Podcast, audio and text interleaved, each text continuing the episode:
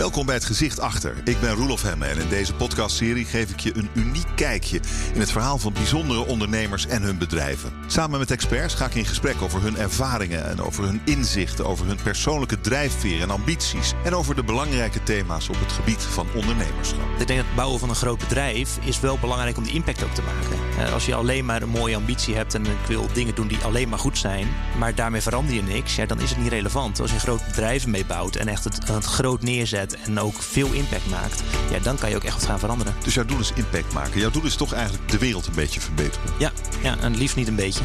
Dit is een podcastserie van Centraal Beheer. Samen met Jorik Thomassen, business partner mobiliteit bij Centraal Beheer, bezoek ik vandaag Hans de Penning. Hij is CEO van en het gezicht achter Amber. Duurzame mobiliteit en de ontwikkelingen op dat gebied zijn vandaag de belangrijke thema's. Hans, je bent 27 jaar oud en met een aantal studenten heb je een paar jaar geleden Amber opgericht. Concept eigenlijk voor eh, mobility as a service. Leg mij uit wat Amber is. Ja, wij zijn een eh, mobiliteitsdienst waarbij wij ehm, voor nu in Eindhoven binnen een uur een auto bij jou voor de deur hebben staan. Heel kort uitgelegd. Waardoor je een volledig vervanger hebt voor de eigen auto. En dat doen wij eh, inmiddels al een paar jaar in de zakelijke markt. Dus veel grote bedrijven die, die rijden met onze autootjes. En die hoeven daardoor geen leaseauto's of geen poolauto's meer te hebben om onderweg te kunnen. Dus je bezorgt de auto. Wij bezorgen de auto, ja. Oké. Ehm, en dat doe je nu in Eindhoven. Dat doen we in Eindhoven en zakelijk doen we dat in de rest van het land. Hoeveel auto's heb je op de weg? Eh, ongeveer een 180 en dat groeit nog steeds elke dag. Oké. Ehm, is, er, is dit concept uniek? Het is eigenlijk Uber zonder chauffeur. Ja, nee, dat, dat, zo leg je Zo- het zo- precies zo- goed zo- uit. dat is het ja, eigenlijk. ja, zo leg je het precies goed uit. Ja. Zijn- er, wat- wat, zijn je concurrenten? Nou ja, we worden vaak vergeleken met bijvoorbeeld deelauto's. Hè? Want Ja. Dan is het natuurlijk ook een auto die je met anderen kan gebruiken. maar Nou, die dat wordt is niet bezorgd. Maar die wordt niet bezorgd. Dat is een auto die je kan pakken wanneer je hem nodig hebt en als die beschikbaar is. En dat stukje als die beschikbaar is, dat halen wij weg. Want wij brengen hem sowieso naar je toe als je hem nodig hebt. En waarom binnen een uur? Waarom niet binnen een kwartier? Nou, nou ja, we zijn ook eh, eh, bezig om dat korter te krijgen. Dat kan ook korter. Ehm, we beginnen een, be- een beetje voorzichtig begonnen. Ehm, maar we zijn wel bezig om dat ook binnen een half uur of een kwartier... dat je die auto ook voor de deur hebt staan. En in veel gevallen lukt dat nu al. Hè? Dus het is nu als jij een reservering maakt of een, of een auto op dat moment nodig hebt... vaak is die al in de buurt, is die al om de hoek. Omdat wij erop anticiperen dat we op de juiste plek neerzetten. Maar 200 auto's is dan wel veel, maar ook weer niet heel veel. Nee. Je moet dan best nog wel afstanden afleggen. Dus je moet ook veel mensen hebben die die, die, die auto's bezorgen. En dan moeten die mensen moeten weer met de andere auto weer terug. Dat is een logistieke eh, nachtmerrie kan dat zijn. Ja, nou, kijk, het is een combinatie van software en handjes. En die handjes, dat zijn eh, voornamelijk studenten die door het hele land heen die auto's naar de juiste plek toe brengen. Ehm, en die maken hem dan gelijk even schoon en die controleren hem gelijk. En dan zorgen ervoor dat hij dan klaar staat voor jou als je hem gaat gebruiken. Ehm, en de rest wordt allemaal ingepland door de software. En die bepaalt eh, waar die auto moet komen te Het zijn staan. allemaal eh, elektrische eh, BMW'tjes, toch? Ja, allemaal elektrische Ja, we zitten hier bij jou in Eindhoven, staan er een heel rijtje voor de deur. Toen dacht ik, die moeten eigenlijk rijden. Wat gaat er mis? Ja, nou ja, d- dit is, een, eh, dit is een plek waarbij veel auto's ook elke keer terugkomen. Want wij vanaf hier eh servicen ze oh, ook. oké. Ehm, dus of er is iets mee aan de hand, ehm, of ze gaan zo meteen rijden. Ja, ja. Ehm, en eh, oké, wat ik me zat af te vragen in de voorbereiding op ons gesprek, wat, waar is het verdienmodel nou precies eigenlijk? Want de, de, de kosten zijn denk ik wel aan de hoge kant als je het vergelijkt met de deelauto. Ja, nou ja, een auto is. eh het grootste deel van de kosten zijn nog steeds gewoon die auto zelf. En een auto is een duur apparaat en eh, hij wordt alleen voordelig als je hem veel gebruikt. Dus ons verdienmodel is door die auto zoveel mogelijk te gaan gebruiken. Daar kunnen we af en toe wat handjes voor nodig hebben om die auto ook veel meer te kunnen inzetten. Maar uiteindelijk is het nog steeds veel voordeliger dan die auto stil te zetten. Oké, maar kun je, eh, kun je wat inzicht geven in je cijfers? Eh, eh, O- omzet, eh, winstmarge, wat, wat, hoe verdien je je geld? Ja, nou het, is eigenlijk, het model is heel simpel. Hè? Je, wij, wij leasen die auto's, dus we kopen ze niet.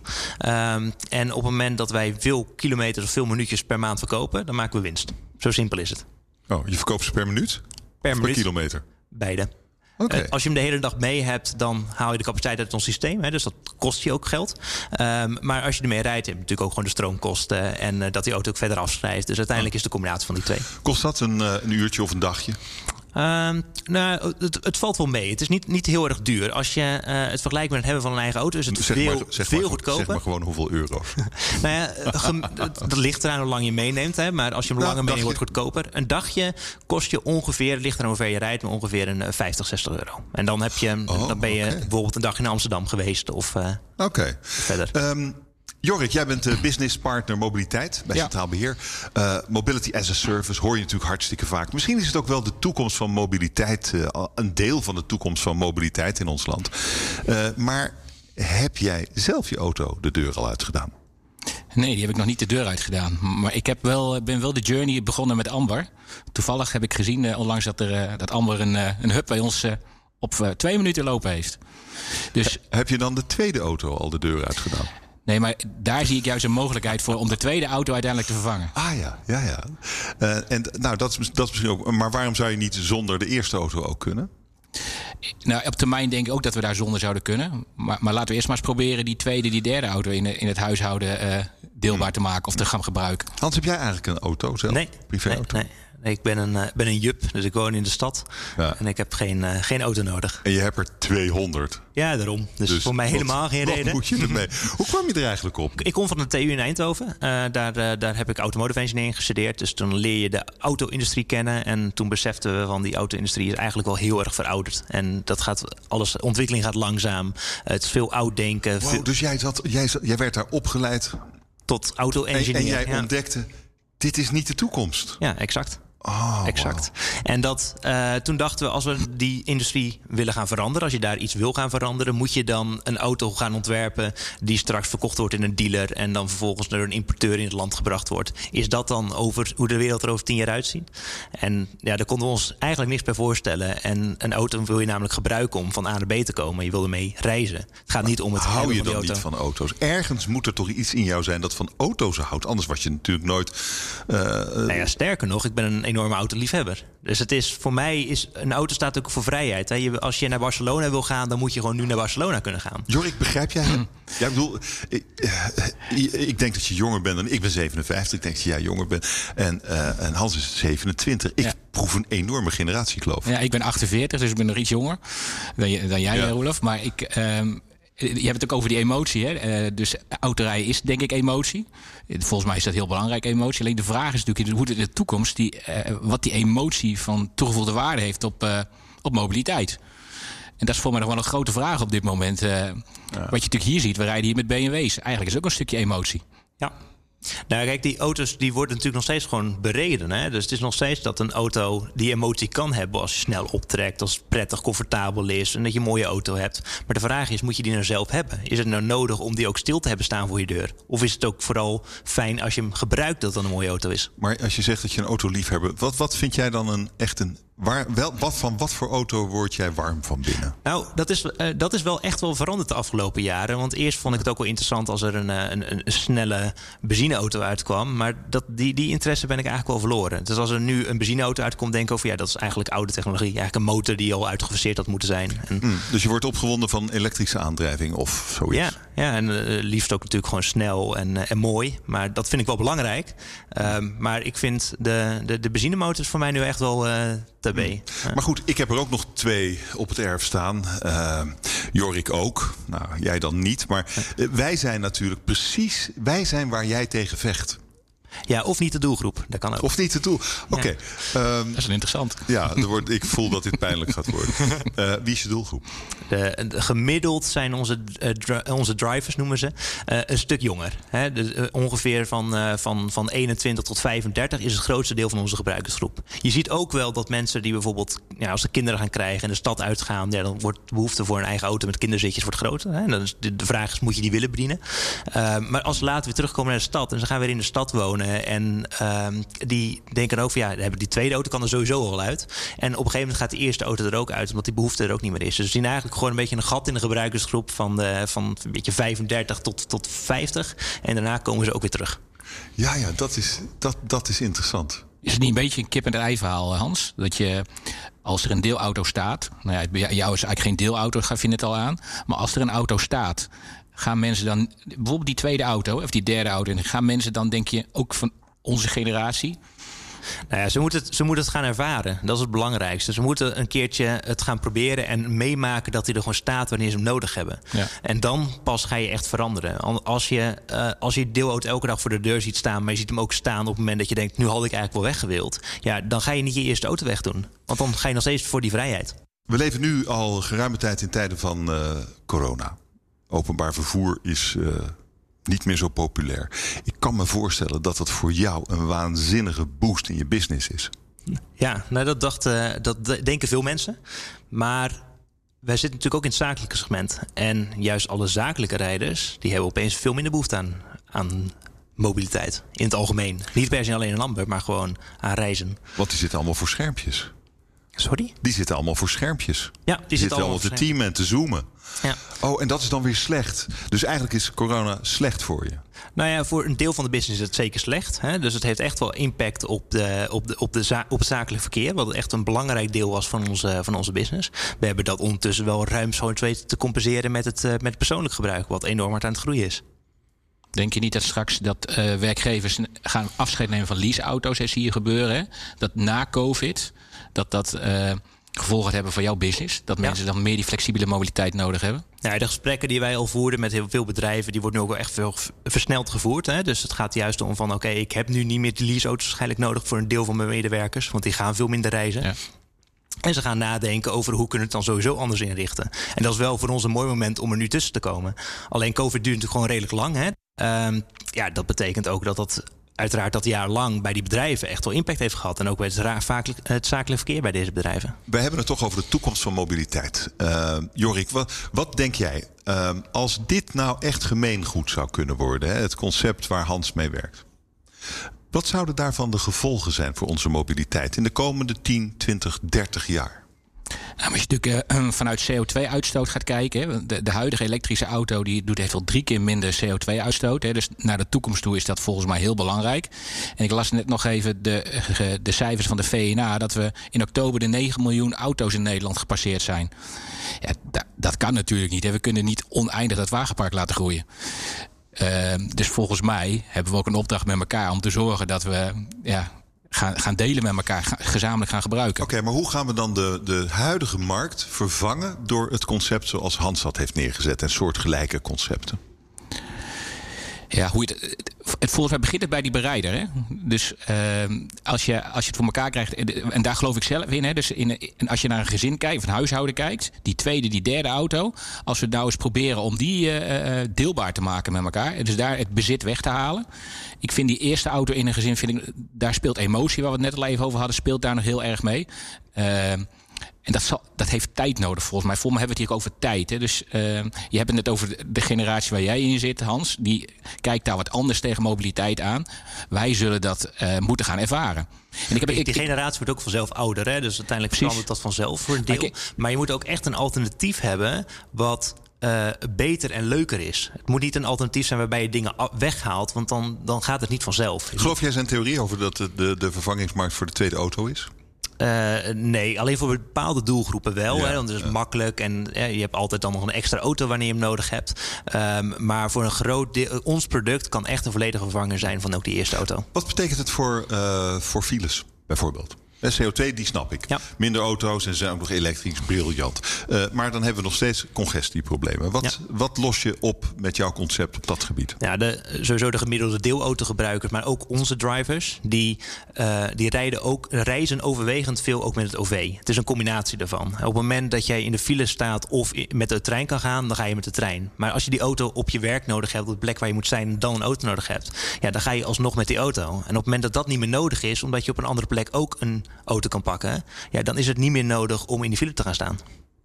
Dus mensen vermijden juist de spits en kunnen dat doen omdat ze meer flexibel zijn door die auto die daar staat voor ze. Ja, dat, dat zou wel eens het ei van Columbus kunnen zijn. Hè? Ja. Dan zijn we in één klap van alles kwijt. Um, Um, je doelgroep zei je, uh, jonge mensen. Uh, in de zakelijke markt ben je actief, maar ook op de particuliere markt. Uh, het, het, is natuurlijk essentieel dat je op zoveel mogelijk plekken in het land zo snel mogelijk een auto kunt krijgen. Dat is natuurlijk ja. de grote uitdaging. je zei nu is het een uur ja. waar, waarbinnen je belooft een auto te leveren. Je wilt naar een kwartier. Ja. Uiteindelijk. Wat is er voor nodig om dat te bereiken? Ja, dat is een deel is natuurlijk gewoon schaal. Um, en de schaal zit hem dus in de hoeveelheid beschikbare auto's. En hoeveel, hoeveel... hoeveel auto's heb je nodig om dat te bereiken? Um, wij, wij mikken nu op ongeveer de 15, 20 grootste steden van Nederland. Daar zijn we ook actief mee bezig om daar te gaan uitrollen. Er staat al gewoon op de planning voor het komend, komend half jaar om daar al een groot deel van uit te gaan rollen. Um, en daar horen ook auto's bij. En als we het denk ongeveer aan een, uh, uh, aan, aan, aan een 2.000, 3.000 auto's dat je in Nederland nodig hebt om al echt een verandering voor elkaar te krijgen. Dat is toch dat is zeg maar uh, 10, 15 keer zoveel als je nu hebt. Ja, dat klopt. Ja. Uh, en, en, wanneer ben je zover? Um, binnen nu in twee jaar. nu in twee jaar? Ja. Hoe dan? Hard doorschalen. Um, je, je verdient wel geld, neem ik aan. Wij verdienen zeker wel geld, maar onder de streep moet er nog steeds heel veel geïnvesteerd worden in ontwikkeling. Ja, dit kan ja. natuurlijk niet uit, uh, uit eigen inkomsten. Nee. Hier nee. heb je externe financiering voor nodig. Ja. Ja. Uh, kun je me iets vertellen over de schaal waarin jij denkt als het om euro's gaat voor de komende twee jaar? Hoeveel heb je nodig? Ja, we zijn uh, nu bezig met een investeringsronde van ongeveer 10 miljoen om mm. door te schalen naar, naar de rest van het land. Dat is uiteindelijk voldoende voor die, voor die 2.000, 3.000 auto's. Ja. En alle mensen die die auto's vervolgens moeten brengen, natuurlijk. Ja. Al die studenten. Maar dat groeit ook mee met de omzet. Hè? Dus het is niet zo dat je dat allemaal van tevoren nodig hebt. Oké. Ah, ja, oké. Dit is, eh, Jorik, de toekomst naar mijn gevoel. Een toekomst? Of denk jij dat het de toekomst is? Nee, ik denk wel dat het de toekomst is. Hè. Dus eh, even dan de vraag hoe, hoe we dat gaan delen, hoe we dat gaan gebruiken. Dit, dit is de verandering. En dit is ook wel een stukje noodzaak. Hè. Dus enerzijds milieutechnisch, om, uh, maar anderzijds hier gewoon, we kunnen... Wat ik net al zei, die 9 miljoen auto's, dat hou je op een gegeven moment niet meer vol met elkaar. Maar volgens mij zit hem ook heel erg het gemak wat jij net zei, hè, Hans. Dat is, ik heb het zelf onlangs met een deelscooter uh, platform ervaren. Hoe makkelijk dat gaat. Uh, gewoon een appje downloaden. En, uh, en dat kan feitelijk ook met jullie uh, constructie al. Hè. Dus dan kun je een auto gelijk gebruiken. Want dat zit heel erg in het gevoel. Van ik, ik heb een behoefte dat ja, ik. Maar hij, zit, hij, hij, legt uit, hij gaat straks met zijn 3000 BMW'tjes in. In de 15 tot 20 grootste steden van ons land zitten. Ja. dan is er nog steeds een enorm deel van het land niet gedekt. Nee. En volgens mij zit. Dus hoe goed is dit? Het is, het is een onderdeel van het proces, onderdeel van de schakel. Ik, ik denk ook dat platformen, als je het over daar hebt, misschien wel ook wel moeten, moeten koppelen met elkaar. Als je het over Maas hebt naar de toekomst, hè, garanties, zou je eigenlijk moeten kunnen koppelen met elkaar. Hè. Dat je de ene keer, ik, ik gebruik nu Amber, maar ik zou eigenlijk, eh, als ik eh, ergens boven Groningen zit, gebruik moeten kunnen maken van een ander deelplatform. Kan dat, Hans? Ja. Ja, daar zijn we ook actief mee bezig. Dus wij, de, de, reis beperkt zich niet tot die auto. Uh, we geloven er niet zo in dat mensen continu gaan overstappen van de ene modaliteit naar de andere. Hè? Want uiteindelijk heb je gewoon ergens je behoefte en die ga je invullen met een trein of een auto. En misschien nog één transit, maar niet meer. Um, maar je moet wel koppelen met elkaar. Je moet er juist voor zorgen dat als jij, uh, als jij in een andere stad bent waar wij geen, geen netwerk hebben, maar dat je wel op die plek met, een, uh, met de bus wil gaan of met een deelscooter, um, dan moet je dat ook wel gewoon kunnen doen. En hoef je daar niet weer een nieuwe app voor te downloaden, opnieuw te onboarden en misschien wel opnieuw een borg te betalen. Maar ik wil niet met de bus. Je wilt niet met de bus? Nee. Nou, dat hoeft ook niet. Er zijn nee. genoeg alternatieven voor de bus. Ja, maar ik wil, ik wil dan met de auto. Maar ook uh, in, in de misschien de wat minder drukke delen van het land zou ik dat ook wel willen. Ja. ja. Maar nee. da, da, ik heb niet het gevoel dat je daar ook aan denkt als je aan de toekomst denkt. Nou, kijk, uh, auto's kan je natuurlijk overal naartoe rijden. Hè? Dus dat is, dat is ja. wel vrij makkelijk. Het is alleen als jij in een dorpje in, in, in, in het achterland woont en je, um, je wil daar amber gaan gebruiken. Dat kan, maar dan moet je wel naar een dichtstbijzijnde stad toe gaan. Um, en dus niet, of je bent niet de doelgroep. Dat kan ook. Het kan ook zijn dat het is niet zo dat, dat die 17 miljoen Nederlanders dat dat de volledige doelgroep is. Het zijn juist de mensen die ook een probleem hebben doordat ze in de stad wonen en een auto moeilijk kwijt kunnen. Of dat ze overal naartoe fietsen, maar soms een auto nodig hebben. Het ding is wel, denk ik, uh, uh, Jorik, dat die, die, de, deze markt uh, roept ook wel weer hele specifieke problemen op voor het verzekeren van al die voertuigen, denk ik. Zeker. Dus wij zien ook heel veel aanvragen komen van juist in kader van die veranderende mobiliteit. Hè? Ook bijvoorbeeld straten, die, een straat die gezamenlijk zegt... wij willen meer groen in de straat hebben. Dus wij willen een aantal blik, aantal voertuigen uit de straat weg hebben. Dus, dus je ziet, en dat zie je met name in de grote steden... Uh, dat die vraagstukken uiteindelijk gewoon ontstaan. Wat heeft meer groen met verzekeren te maken? Enerzijds zie je dat, er, uh, dat we dus gaan veranderen in de mobiliteit. Ja. Maar het, het, het brengt ons het vraagstuk, omdat wij steeds meer initiatieven zich melden... Hè, van hoe verzeker je dat nou? Want er zit geen, er zit geen vaste bereider meer uh, op een voertuig. Nou, dus dat is een goede vraag. Beantwoord hem zelf. Ja, nee, dus dat betekent dat wij een concepten zijn ontwikkelen... dat je niet meer met de vaste bereider te maken hebt. Maar hoe doe je dat dan? Dat betekent dat je veel meer moet kijken naar, en daar, waar, daar geloven wij ook in, is de warme schil. Hè. Dus wat zie je, uh, een, vaste groep gebruikers, hè, uh, bijvoorbeeld die gebruik maakt van een voertuig. Maar dat is nee, de verandering die we nu in zitten. Dit, ja, dit is eigenlijk al de oplossing. Ik, ik was iets te, iets te okay. vlug. Uh, excuus, even terug naar het probleem. Wat is het probleem van het verzekeren van de auto's waar Hans mee werkt? Omdat het, dat je te veel gebruikers op een voertuig hebt zitten. En dat, maar wat is daar het probleem van? Maken dat ze je, meer schade? Eenvoudig maken ze meer schade, ja. Is dat waar?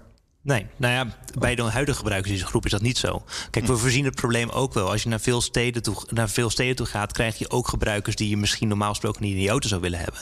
En die moet je of bij de deur um, filteren.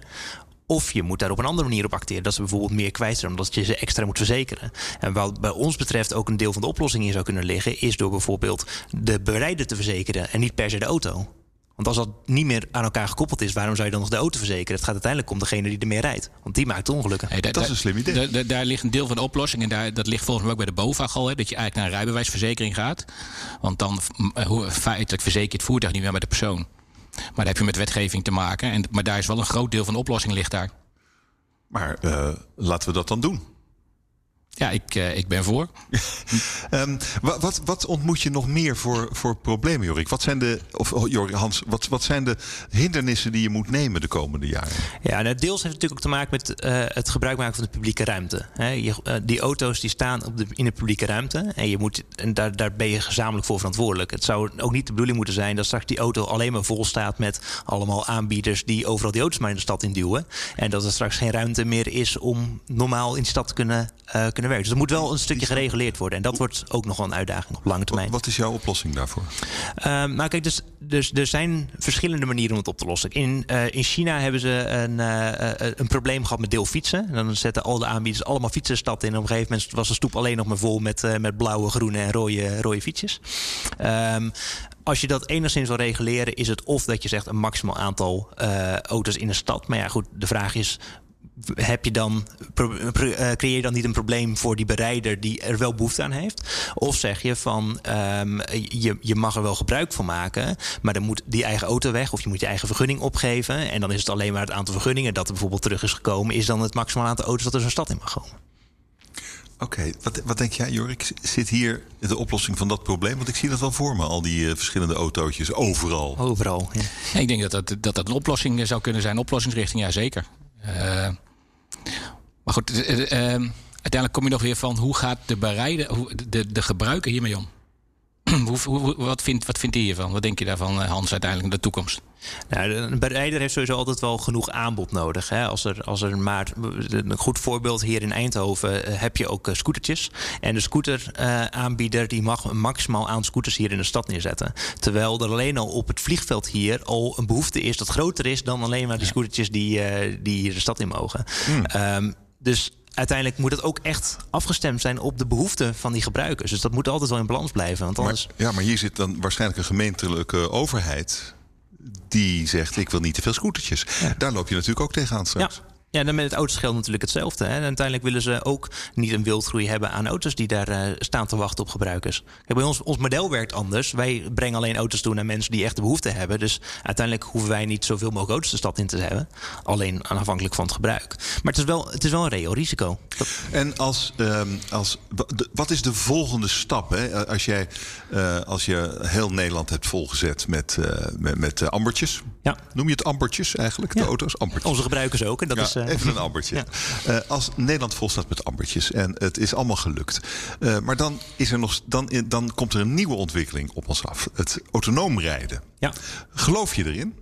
Nou ja, autonoom rijden gaat er sowieso komen. De vraag is wanneer, maar uh, de, de, grootste problemen die we op de weg hebben... komen natuurlijk door de mensen die zelf rijden. Omdat we eigenlijk niet gemaakt zijn om, om zo'n apparaat te besturen. Het lukt ons wel, maar we zijn er niet voor gemaakt.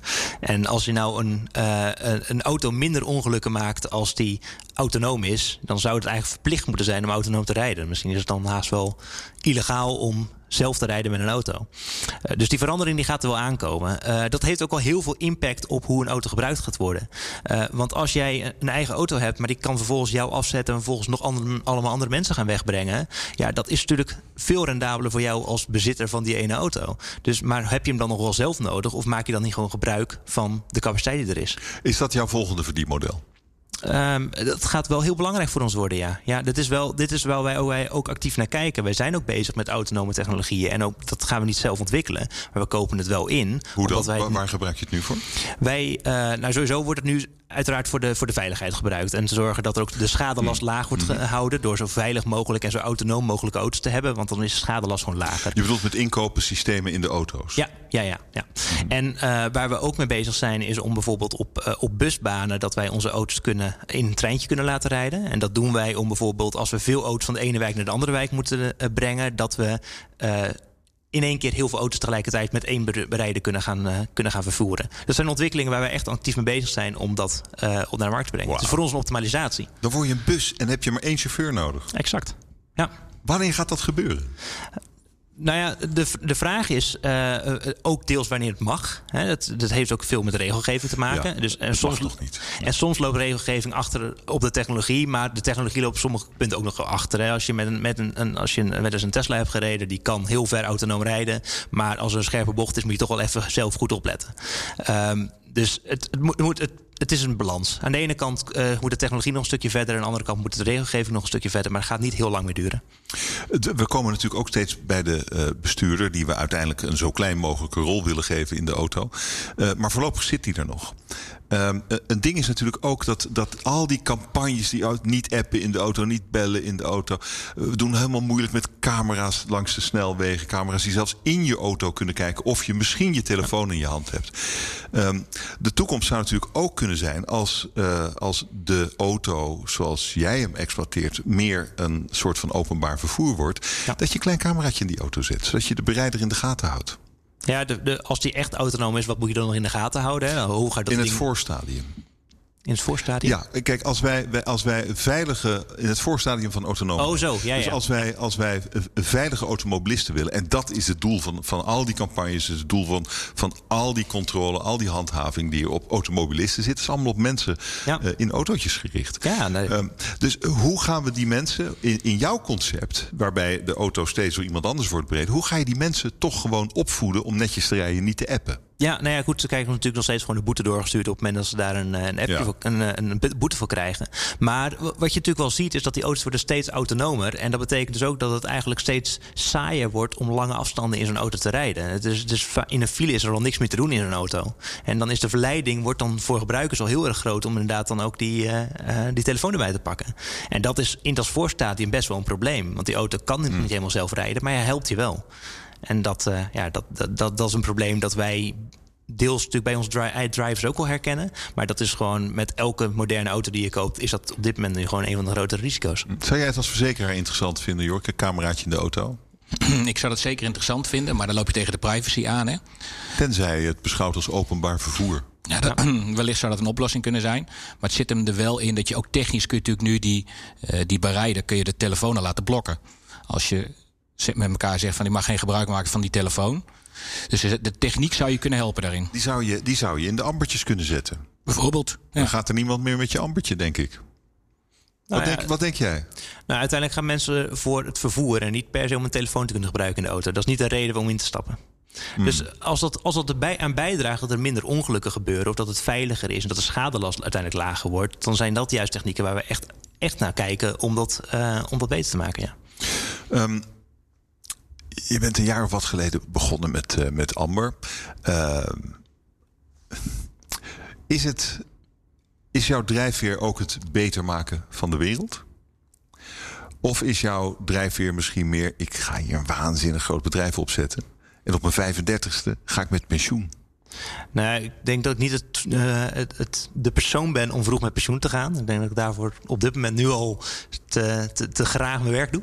Um, maar uh, ik denk dat het wel hand in hand gaat. Ik denk dat het bouwen van een groot bedrijf is wel belangrijk om die impact ook te maken. Uh, als je alleen maar een mooie ambitie hebt en ik wil dingen doen die alleen maar goed zijn, maar daarmee verander je niks, ja, dan is het niet relevant. Als je een groot bedrijf mee bouwt en echt het, het groot neerzet en ook veel impact maakt, ja, dan kan je ook echt wat gaan veranderen. Dus jouw doel is impact maken. Jouw doel is toch eigenlijk de, weet, de, de wereld een beetje verbeteren. Ja, ja, en liefst niet een beetje. Oké, okay. nou we hebben het gehad over Nederland. Dan zijn er nog 192 landen. Ja. Uh, wat zijn je internationale ambities? Nou, kijk, het, het, het, gaat om auto's. En auto's rijden over de hele wereld. Dus, uh, het, en steden zijn er over de hele wereld. Dus er is eigenlijk geen reden om niet naar andere landen te gaan. Kijk, elektrisch is natuurlijk. Nederland loopt voorop. En, en samen met Noorwegen zijn dat toch wel de landen waar de meeste elektrische auto's rondrijden. Um, maar goed, dat gaat in de rest van de wereld ook gebeuren. Uh, ik ga het niet met benzineauto's doen. Dat staat gewoon vast. Dat is een, dat is een harde grens. Um, ja, dat, daar, daar ga ik niet overheen. Maar uh, in andere landen kan dit net zo goed werken. En juist in de steden, je hebt nog steeds steden waar ze, waar ze uh, te veel verkeer hebben, waar ze te veel auto's geparkeerd hebben staan. Uh, daar werkt het net zo goed. Dus wat is je eerste buitenland? Um, zoals het er nu naar uitziet, dan is dat Duitsland. Dat is een bewuste keuze. Leg eens uit. Uh, nou ja, het, een er zijn heel veel BMW'tjes daar, bedoel je? BMW zit er zelf makkelijk inkopen. Ja, nou ja, het is zo, um, het, het, het, een deel van de mentaliteit lijkt heel erg op Nederland. Dus uh, je, hoeft, je hebt wat minder te maken met, met grote cultuurveranderingen. Uh, wel wat, maar niet zo erg als dat je bijvoorbeeld opeens naar, naar de andere kant van Europa gaat. De cultuur in het zaken doen of de cultuur onder bereiders? Uiteindelijk gaat het om de bereider. Ook voor zakelijk is het, oh. wordt al, werkt alleen als de bereider ook er echt gebruik van wil maken. Anders mm. kan een werkgever ook vrij weinig. Dus die uh, het gaat om, om, de bereider. En juist in de steden heb je een, best wel een hele groene uh, jeugd in, in Duitsland. Hè, die zich heel bewust is van, van, de, uh, van het milieu. En daar ook actief mee bezig is. En daarom zijn die Duitse steden ook best wel geschikt om, daar, om dit soort modellen te introduceren. Wow. En wanneer ga je daar beginnen? De, de, dezelfde tijdspad als dat we Nederland volgezet hebben, dan is ook het, het punt om naar het buitenland te gaan. Dus over een paar jaar zit je ook in Duitsland? Ja, daar zijn we hard mee bezig, ja. ja. Maar er zijn 80 miljoen Duitsers. Dat klopt. Maar die gaan nog niet alle 80 miljoen meteen van anderen gebruiken. dit, dit is een schitterend verhaal, joh. Nee, dit is schitterend. En dit is, maar dit, ja, dus als je een bedrijf zo kunt laten groeien, dat is natuurlijk fantastisch. Maar die man is 27. Ja, ja. Stel je voor, dat, die, man beetje... gaat, die man gaat toch 50 jaar werken? Ja. Stel je voor wat hij allemaal gaat doen met die auto's. Ja. ja.